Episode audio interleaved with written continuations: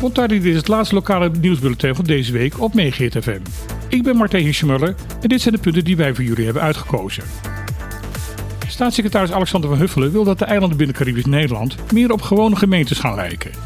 Dat schrijft ze in een brief aan de Tweede Kamer over de verandering die ze wil aanbrengen in de wetgeving rondom de openbaar lichamen. Al geruime tijd is het ministerie van Binnenlandse Zaken en Koninkrijksrelatie aan het kijken hoe de wolbes en de finbes moeten worden aangepast. Dit zijn de twee wetten waarmee de bijzondere positie van de BES-eilanden binnen de staat der Nederlanden is vastgelegd.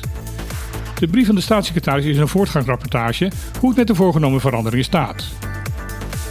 De voorgestelde veranderingen voor de wet openbaar lichaam en BES zijn aanzienlijk. Zo moet de Rijksvertegenwoordiger gaan verdwijnen en zal het aantal eilandsraadleden op Bonaire in stappen worden verhoogd van de huidige 9 naar uiteindelijk 19. Ook zal het aantal gedeputeerden in 2031 op 5 moeten gaan uitkomen. Hiermee hoopt Van Huffelen dat het plaatselijk bestuur beter toegerust zal zijn om het omvangrijke takenpakket van het openbaar lichaam uit te voeren en dat daarmee ook de politieke inbreng van de bevolking wordt vergroot. Verder zal als deze plannen uitgevoerd gaan worden, het financieel toezicht op de openbaar lichamen worden aangepast. Als het eilandbestuur zich netjes aan alle voorschriften kan houden, zal het toezicht minder streng worden. Daarbij moet wel aangemerkt worden dat sinds 2010 geen van de drie eilanden zich volledig aan de voorschriften heeft kunnen houden van het College Financieel Toezicht.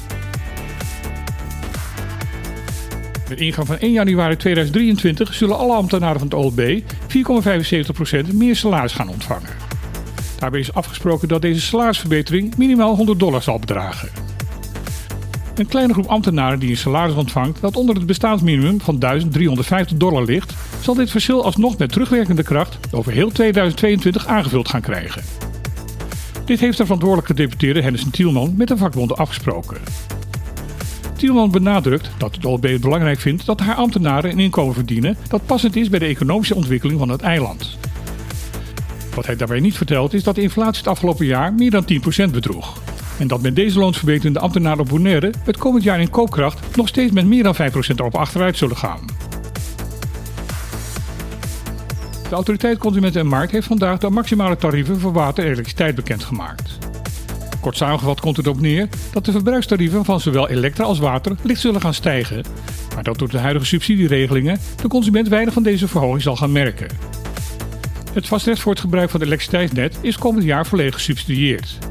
Hier hoeft de gebruiker dus niets voor te betalen. Of er een dergelijke subsidie ook gaat komen voor het vastrecht voor het waterleidingnet is nog niet duidelijk. Mocht deze regeling er niet komen, zal de gebruiker er rekening mee moeten houden dat de kosten om het waternet te mogen gebruiken zal stijgen van 41,24 dollar per huishouding per maand naar 43,96 dollar. Na de verkiezingen in maart volgend jaar zal de Eilandsraad van Sint Eustatius zo snel mogelijk het budgetrecht weer terugkrijgen. Dat meldt staatssecretaris Alexander van Huffelen aan de Tweede Kamer. De voorwaarde is wel dat het bestuurscollege en Eilandsraad van Statia op dat moment het afgesproken verbeterplan voor het financieel beheer serieus aan het uitvoeren is. Toen in 2018 de Nederlandse staat het openbaar liggen van Sint Eustatius onder stelde, werd dat mede veroorzaakt door een niet toereikend financieel beheer door de lokale overheid.